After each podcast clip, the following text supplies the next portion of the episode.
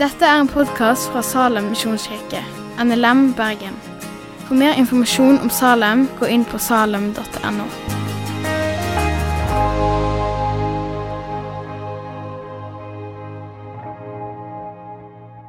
For i dag så tror jeg vi skal få et møte med Jesus. Eller vi skal få et møte med Jesus, for vi skal bruke litt tid i hans ord. Uh, vi skal se Jesus og møte noen mennesker, og vi skal se hva han sier til disse menneskene, hva han vil med disse menneskene, og hva han gjør for disse menneskene. Eh, og jeg har tenkt litt på hva- om Gud har lyst til å vise oss noe stort i dag? Hva om Gud har lyst til å, å forandre noe i oss i dag? Hva om Gud virkelig har lyst til å møte oss i dag? Og komme inn i hjertene våre og skape noe nytt der? Og hvorfor ikke møte det med forventning? Så jeg tenkte at vi skulle ta et halvt minutt der alle sjøl kan be Den hellige ånd om å lage deg til god jord, om å åpne opp hjertet og gjøre deg klar til å høre det Gud ønsker å formidle til oss i dag. Så vi tar et halvt minutt, så ber vi, eh, og så ber jeg litt før jeg begynner. Herre Jesus, vær her i dag. Kom med din hellige ånd. Velsign oss, åpne opp hjertene våre og forandre oss, Herre. I ditt navn, Jesus. Amen. Daniel Sæbjørnsen talte veldig fint om Den hellige ånd. Så er det pinsen handler om sist helg. Så det kommer ikke til å bli en veldig sånn klassisk pinsetale fra meg i dag, men jeg tror det kommer til å være veldig relevant òg i pinsetida. Utgangspunktet mitt er tatt i en tekst som vi leser i Lukas 10, 38-42. Det er en tekst om to damer som heter Martha og Maria, som inviterer Jesus inn i huset sitt. Vi leser om at Martha steller i stand. Hun tjener Jesus og, og styrer og steller for at han skal ha det så bra som mulig. mest sannsynlig. Det er ofte derfor folk steller i stand. Og Så leser vi om Maria som setter seg med Jesu føtter og lytter til hans ord. Og det som skjer, er at Martha blir naturligvis, tenker jeg, frustrert på Maria for at hun ikke hjelper til. De er to stykker, og de har en gjest, og de har lyst til å tjene denne gjesten så bra som mulig. Men Maria sitter der med Jesus sine føtter og lytter til han heller, i stedet for å hjelpe til. Hun konfronterer Maria og sier til Jesus Kan du si til Maria at hun skal hjelpe til? Basically. Og så svarer Jesus noe ganske bemerkelsesverdig. I vers 41 og 42 så kan vi lese Men Herren svarte og sa til henne, Martha, Martha, du gjør deg strev og uro med mange ting, men ett er nødvendig. Maria har valgt en god del som ikke skal bli tatt fra henne. Og Jeg skulle ønske at jeg kunne si til dere i dag at Jesus sitt budskap er at vi ikke trenger å gjøre husarbeid. Det kommer jeg ikke til å si. Gjør husarbeid. Det er ikke det Jesus vil fram til. Det handler ikke om hvile, eller ikke sånn type hvile iallfall. Det er ikke på en måte Maria sitt fravær av å gjøre noe så, så Jesus på en måte hyller. Det er helt konge, Maria, at du ikke gidder å hjelpe til. Det skal vi fortsette med. Det er nødvendig. Eh, Det er ganske åpenbart at det ikke er poenget Jesus har. Men likevel så er det tydelig at Maria gjør et eller annet da, som Jesus kaller for den gode del. Og så, så han omtaler som at, som at ett er nødvendig. Og det er tydelig at det er det Maria gjør. Og det vi leser at Maria gjør, det er at hun, hun setter seg med, med Jesus sine føtter og lytter til hans ord. Og allerede der kunne jeg på mange måter ha avslutta denne talen. Vi må sette oss med Jesus sine føtter, og vi må lytte til hans ord. Og da gjør vi noe veldig, veldig rett. Pga. Eh, veldig stort oppmerksomhetsbehov så kommer jeg ikke til å avslutte talen der. Jeg kommer til å bli en stund til, og i tillegg så tror jeg at Jesus har noe han vil si til oss. Men tenk litt på det. Hva vil det si å sitte med Jesus sine føtter og lytte til hans ord i dag? Hva vil det si å sitte med Jesu sine føtter og lytte til hans ord i ditt liv? Hvordan gjør vi det? Hva er det for noe?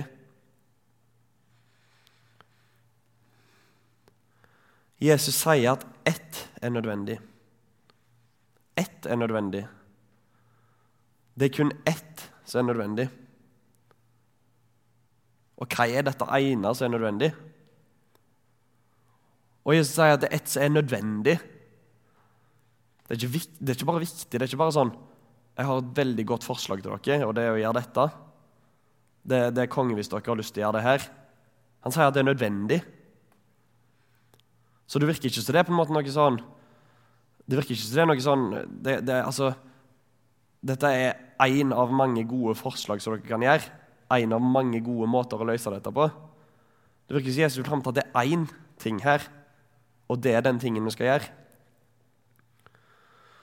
På mange måter så tror jeg vi kan skjønne litt av hva som menes med akkurat det at, det, det at altså Når eh, Maria setter seg ned og, og lytter til, til Jesu ord i våre liv så tror jeg det kan ha noe med bønn å gjøre. Jeg tror det kan ha noe med stillhet å gjøre.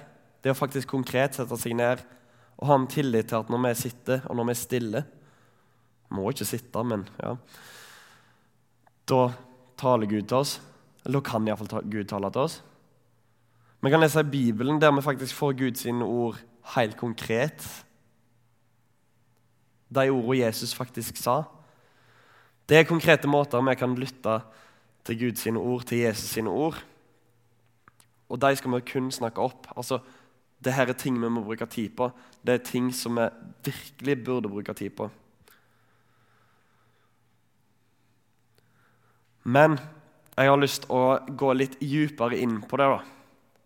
Altså, Hvorfor er det kun ett som er nødvendig? Og hvorfor er dette ett nødvendig? Jeg syns det kan være litt sånn vanskelig å å skjønne da hvorfor det er så nødvendig. For når vi er jo vant med, med på en måte å tenke at det, det, handler ikke om hvor masse vi ber, det handler ikke om hvor masse vi leser i Bibelen. på en måte. Uh, og, så, og, så, tenker jeg at det vi leser om Martha, så det hun gjør, er jo bra. Hun tjener. Det er bra å tjene. Vi skal tjene. Uh, så hvorfor blir hun på en måte ikke refsa, men hvorfor får hun på en måte så tydelig beskjed om at det, er Maria som har valgt en gode del her? for å hjelpe oss å lete litt etter dette hvorforet, hvorfor det er dette ene som er nødvendig. Hvorfor det er å sette oss med Jesus sine føtter og lytte. Hvorfor det har blitt sånn. Så skal vi ta en annen bibeltekst til hjelp. Det er en tekst der Jesus møter en mann som heter Nikodemus. Og det står i Johannes 3, 1-21. Nå skal vi lese litt tekst, så følg med. Det var en mann blant fariseerne som het Nikodemus. Han var en av jødenes rådsherrer. Han kom til Jesus om natten og sa til ham, 'Rabbi, vi vet at du er en lærer kommet fra Gud.' For ingen kan gjøre disse tegnene som du gjør, uten at Gud er med ham. Jesus svarte og sa til ham, 'Sannelig, sannelig, sier jeg deg, uten at en er født på ny' kan en ikke se Guds rike. Og Når jeg leser det, så tenker jeg for et absurd svar. Altså Det virker som Nikodemus på en måte gir han et slags kompliment. At vi ser at du er en lærer sendt av Gud. En liksom litt sånn stor ting. Og, og så virker det som at, eh, som at Jesus bare svarer på noe helt annet. Altså Det, det er liksom konge, konge, det du gjør. Eh, fortsett med det. Vi ser at du er en lærer sendt av Gud. Og så svarer Jesus den som ikke blir født på ny, kan ikke se Guds rike. Eh, og Av og til så tenker jeg at det må være utrolig vanskelig å ha en samtale med en sånn person.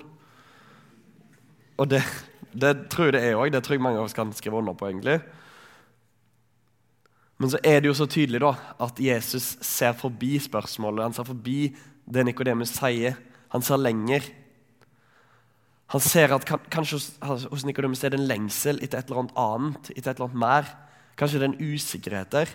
Nikodemus kommer på natta, står det, når det er mørkt. Hvorfor kommer han? Hva er det egentlig han vil? Og Jesus ser til hjertet hans. Jesus svarer på det han kanskje egentlig lurer på. Vi leser litt videre. Nikodemus sier til ham, 'Hvordan kan et menneske bli født på ny når han er gammel?' Kan han Eh, kan han vel annen gang komme inn i mors liv og bli født? Altså, Snakk om å tolke det bokstavelig. Jesus svarte, 'Sannelig, sannelig, sier jeg deg.' Uten at en blir født av vann og ånd, kan en ikke komme inn i Guds rike. Det som er født av kjødet, er kjød, og det som er født av ånden, er ånd. Undre deg ikke over at jeg sa til deg, dere må bli født på ny. Vinden blåser dit den vil. Du hører han suse, men du vet ikke hvor han kommer fra, eller hvor han farer hen. Slik er det òg med ånden, så, eh, hver den som er født av ånden. Nikodemus svarte ham og sa, 'Hvordan kan dette skje?' Jesus svarte og sa til ham, 'Du er Israels lærer og vet ikke dette.' Sannelig, sannelig, sier jeg deg, vi taler om det vi vet, og vitner om det vi har sett. Og dere tar ikke imot vårt vitnesbyrd. Når jeg har talt om de jordiske ting, og dere ikke tror, hvordan kan dere da tro dersom jeg taler om det himmelske? Det er altså en høyt akta mann som kommer til Jesus.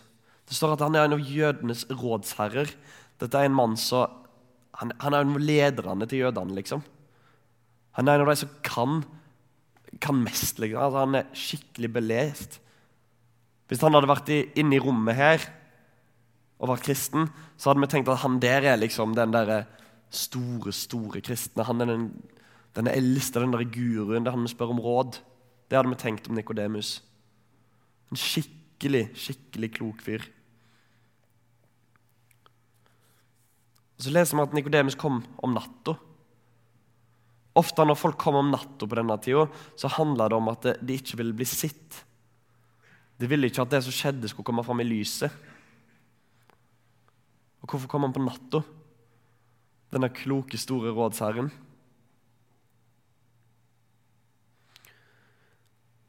Etter de har snakket om det de har snakket om nå, etter de har sagt det de har sagt til nå, så tar samtalen en vending. For Jesus har snakket masse om, om at vi blir født på ny. En del sånne ting vi ikke helt skjønner. Vi kan kalle oss for liksom, født på ny kristne. Eh, og, og, så, og, så, vet vi at det er en bra ting. Eh, men han snakker om et eller annet, altså, det er jo tydelig at å bli født på ny ikke handler om at det, du må ha vært en, en narkoman så for et sterkt møte med Jesus. liksom. Brunner han sier jo til denne rådsherren, som kanskje har et tilnærmet perfekt liv Kanskje det nærmeste du kom, iallfall. Ut ifra loven som de fulgte. At han må bli født på ny. Og I stedet for meg han ble litt overraska. Men jeg gjør, jeg gjør jo det jeg skal. Og den nysgjerrigheten det tar Jesus opp i de følgende versene. Og Følg godt med på disse versene, for når de taler mange viktige sannheter om Jesus, om det han kom for å gjøre. Og jeg tror at dette er noe av det nødvendige vi leser om. Ett er nødvendig, sa Jesus til Martha. Ett er nødvendig. Og her kommer han til Nikodemus og, og forteller litt om dette nødvendige. Vi leser fra vers 14 nå. Og ingen er steget opp til himmelen uten at han som steget ned fra himmelen, menneskesønnen som er i himmelen. Og like som Moses opphøyer slangen i ørkenen, sånn må menneskesønnen bli opphøya, for at hver den som tror på ham, skal ha evig liv. For så høyt har Gud elska verden, at han ga sin sønn den enbårne, for at hver den som tror på ham, ikke skal fortapes, men ha evig liv. For Gud sendte ikke sin sønn til verden for å dømme verden, men for at verden skulle bli frelst ved han. Den som ikke tror på han, blir ikke dømt. Nei, den som tror på han, blir ikke dømt. Den som ikke tror, er allerede dømt, fordi han ikke har trodd på Guds enbårne sønns navn. Og dette er dommen, at lyset er kommet til verden, og menneskene elsker mørket framfor lyset, for deres gjerninger var vonde. For hver den som gjorde det vondt unna, hater lyset og kom ikke til lyset, for at hans gjerninger ikke skal bli refsa. Men den som gjør sannheten, kommer til lyset for at hans gjerninger kan bli åpenbart, for de er gjort i Gud. Og der er samtalen som vi får vite om, mellom Nikodemus og Jesus over. Det er masse viktig vi kunne snakket om i denne teksten. Og vi kunne hatt mange mange bibeltimer om det her. Men jeg skal fokusere på grunnlinjen. Jeg skal fokusere på dette nødvendige som Jesus snakker om. Dette som på en måte virker som det må være en del av livet vårt. Det som virker som det er den, den gode del. For hva er det Jesus snakker om her? Han forteller om, om eh, slangen som Moses måtte sette opp i ørkenen. Og Det er en historie så, det står i Gamle testamentet at, det, at det Gud straffa folket, og så, og så, kom det slanger og beit dem, og så ble de helbreda. De ble i live igjen, står det. Hvis de så på slangen som var satt på en stolpe i ørkenen. Dette var ting Nikodemus visste godt. Han var som sagt en belest mann. Han kunne det, han kjente til Skriftene. Han visste om denne historien. Og han må nok ha lagt merke til det ganske tydelig når Jesus sa det. Når han sammenligner seg med den, det de måtte se på for å bli helbreda. Jesus sier for at hver den som tror på Han, skal ha evig liv. For så høyt elsker Gud verden, at han ga sin sønn den enbårne, for at hver den som tror på Han, ikke skal fortapes, men ha evig liv. I denne sammenhengen så blir det avslørt noe hos Nikodemus. Så kanskje òg i det som blir avslørt hos, eh, hos Martha. Jeg skal ikke på en måte si hvem det er Martha priser, hvem det er hun har hjertet sitt hos, og heller ikke Nikodemus, for det får vi ikke vite. Men ut ifra det vi får vite i teksten, så har jeg lyst til å stille spørsmål til hvem, hvem er det de priser? Hvor er fokuset deres? For en klok mann Han var ateist. Uh, han fortalte før han døde Han heter David Foster Wallace. Uh, og jeg har oversatt det litt fritt fra engelsk. Ganske presist, men uh, ja, litt fritt. om det å lovprise, da. Og at det ikke nødvendigvis er gitt. At det handler om å lovprise Gud. Jeg skal lese en tale han hadde. Alle priser noe. Det eneste valget er hva vi lovpriser. Og Den gode grunnen til å velge å prise en gud er at nesten alt annet vi priser, det vil ete oss levende. Hvis du priser penger og ting, hvis det er det som gir deg mening, vil du aldri ha nok. Aldri føle du har nok. Det er sannheten. Lovpris din egen kropp og skjønnhet og utseende, og du vil alltid føle deg stygg. Og når tid og alderen begynner å vise seg, vil du dø en million ganger før familien din endelig begraver deg. Lovpris makt, og du vil til slutt føle deg svak og redd. Og for å undertrykke frykten og svakheten må du fortsette å ha mer makt over andre mennesker. Lovpris intellektet ditt eh, og det å bli sett på som smart. Og da vil du ende opp med å føle deg dum og kanskje som en bedrager og alltid risikere å bli avslørt. Det er skadelig med disse formene av lovprisning. Det er ikke pga. de er onde og syndige, men at de er ubevisste. Det er grunninnstillingen vår. Det sa han David Foster Wallace. Ateist trodde ikke på Gud, så er det ateisme går i på mange måter. Og han hadde sett at det, det er ikke bare de som tror på Gud, det er ikke bare de som lovpriser Gud, som lovpriser ting i verden alle lovpriser noe. Spørsmålet er bare hva vi lovpriser. Og han hadde sett en sannhet. En sannhet som gjorde at han ikke lenge etter dette her endte opp med å ta livet sitt. Nemlig at alle de tingene vi i verden kan lovprise, de vil ete oss levende. Vi finner trygghet i alt mulig greier. Vi finner trygghet i makt, vi finner trygghet i penger, og vi, og vi på en måte jobber for å for å på en måte skape en sånn, sånn trygghet i livet vårt. Da. Men det holder ikke i lengden. Det kommer til et punkt der det snur. da. Det kommer til et punkt der pengene ikke er nok. Det kommer til et punkt der, der makta ikke er nok. Altså, det kommer til et punkt der ting, ting rakner. Når du, altså, bygger du tryggheten din, identiteten din og det du priser, på en måte kroppen din så blir du plutselig skada, da. Og hva sitter du igjen med da? Hvis det er det som bygger identitet hos deg. Og som sagt så kan ikke jeg si at dette er på en måte et grunnleggende problem Martha hadde. For det vet jeg ikke. Men det vi vet, er at det der Maria satte seg ned med Jesus sine føtter og lytta, så gjorde Martha seg strev og uro med mange ting. Kanskje hun var mer opptatt av å bygge, av å tjene. Kanskje hun var mer opptatt av å hjelpe til og få ting til å se bra ut. kanskje. Viktige ting, men kanskje hun var mer opptatt av det enn Jesus sjøl. Jesus går forbi det å snakke om at menneskesønnen er sendt for å frelse.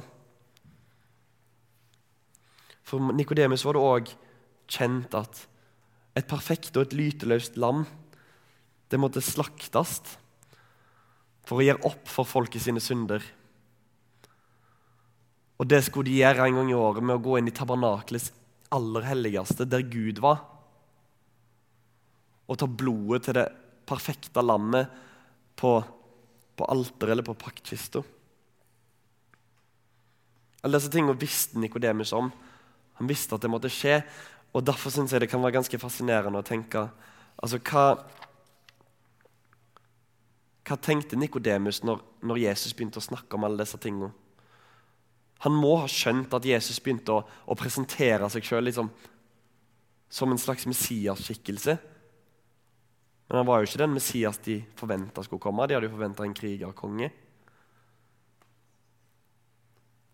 Og så lurer jeg på ei tid seinere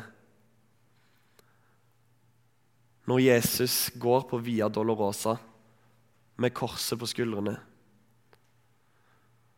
Han tar det med seg til Golgata. Han blir spotta, han blir håna.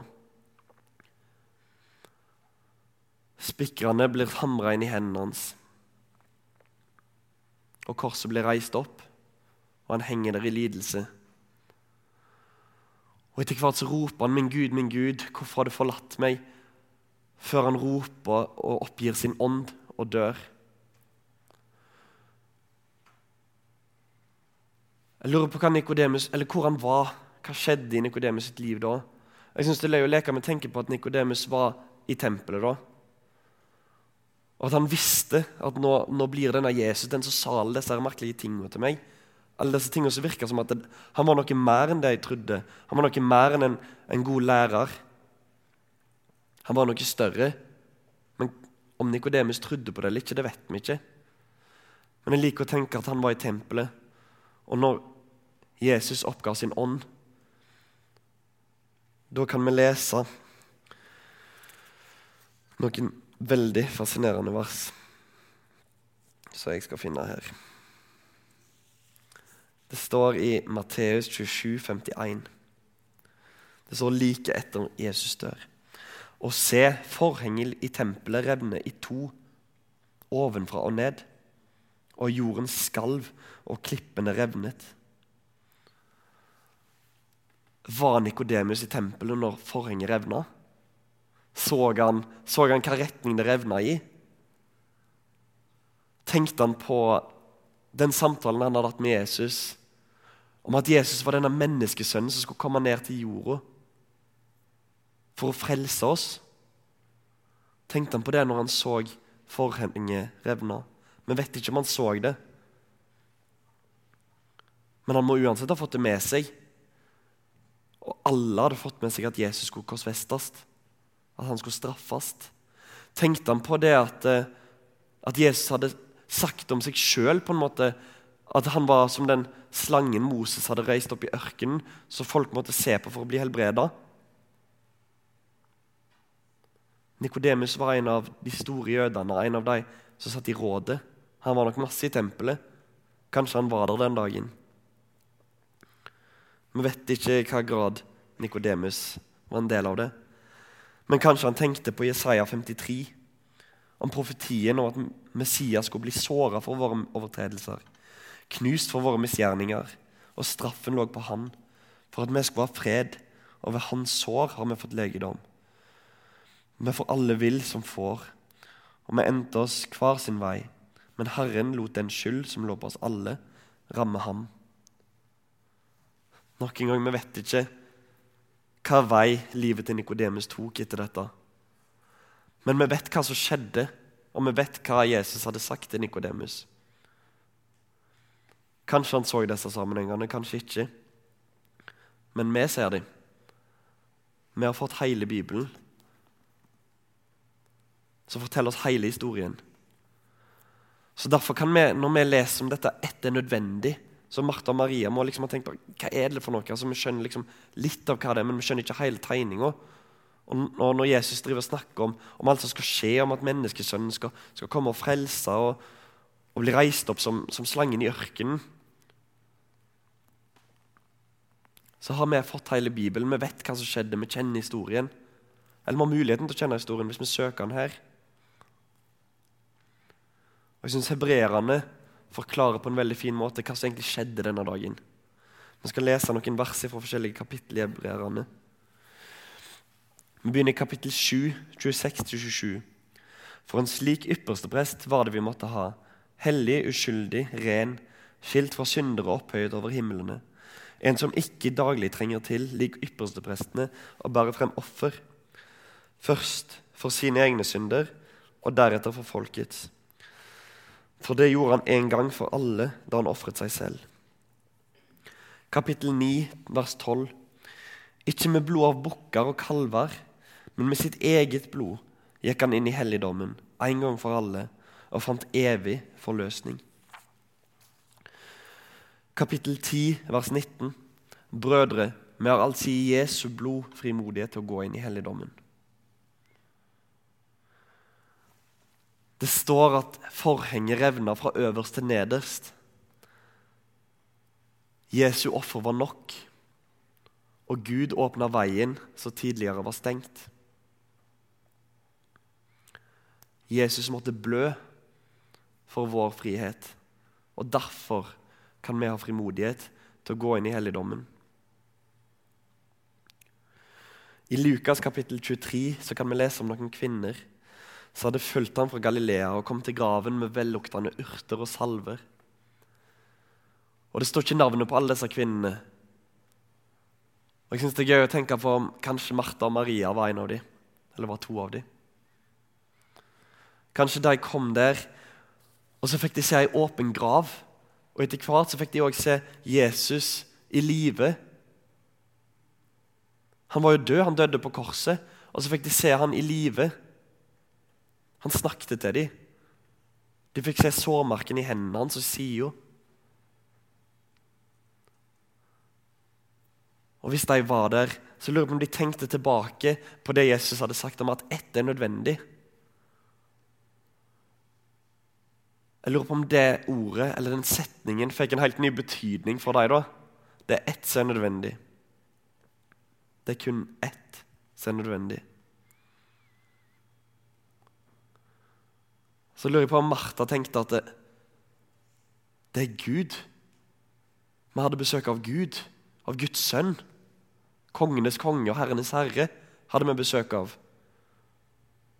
Og, og jeg skulle bare stelle i stand og lage te, og ba han til og med å spørre om søstera mi kunne hjelpe.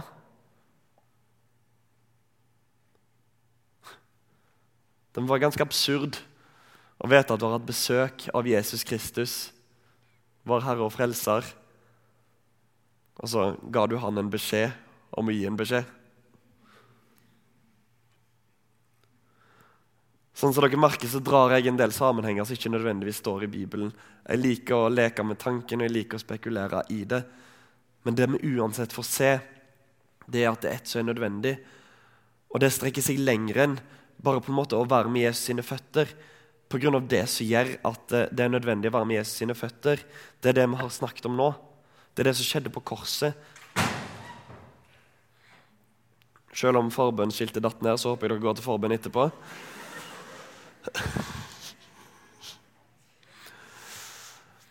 Det som skjedde på korset, når Jesus hang der og blødde for våre synder og for våre overtredelser, og tok straffen på seg da gjorde han at vi kan gå inn i helligdommen, vi kan møte Gud.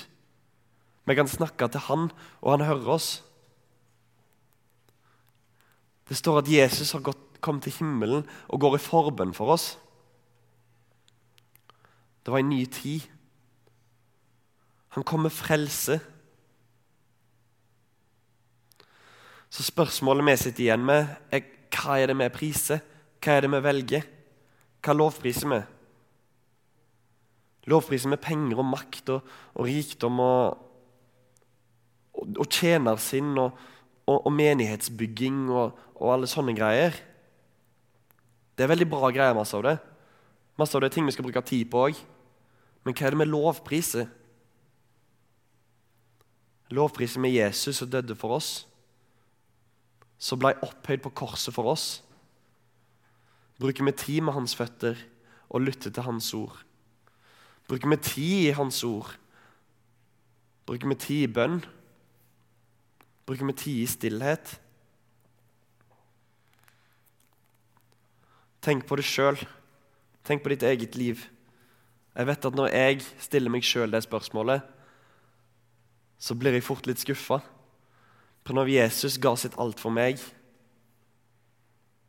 Men om spørsmålet er tilbake om jeg vil gi mitt alt for han, så er svaret mitt med munnen ofte ja, men svaret mitt med livet ser ofte litt annerledes ut. Og Derfor har jeg lyst til å utfordre konkret i dag. Ta så, ta så Gå inn i ditt eget hjerte litt, og bruk litt tid der. Hvem er det du priser? Priser du Jesus, eller priser du noe som hører verden til, som til slutt bare kommer til å føre til ingenting? Vi må gi Jesus rett når han sa at ett er nødvendig. Kun ett er nødvendig. Sitt litt i stillhet og tenk sjøl. Søk Jesus sjøl. Om å ransake ditt eget hjerte. Be Den hellige ånd om å, om å peke på ting i ditt liv. For dette her handler ikke nødvendigvis om frelse, folkens. På grunn av at Så lenge vi bekjenner Jesus som Herre, så er vi frelst, det har han sagt. Så lenge vi har vår tillit til Jesus på korset, så er vi frelst. Men Jesus ønsker så inderlig at vi skal sette oss med hans sine føtter og lytte til hans ord. Takk for at du har hørt på podkasten fra Salem, Bergen. I Salem vil vi vinne, bevare, utruste og sende. Til Guds ære. Vi ønsker å se mennesker finne fellesskap, møte Jesus og bli disippelgjort her i Bergen og i resten av verden. Vil du vite mer om oss, gå inn på salem.no.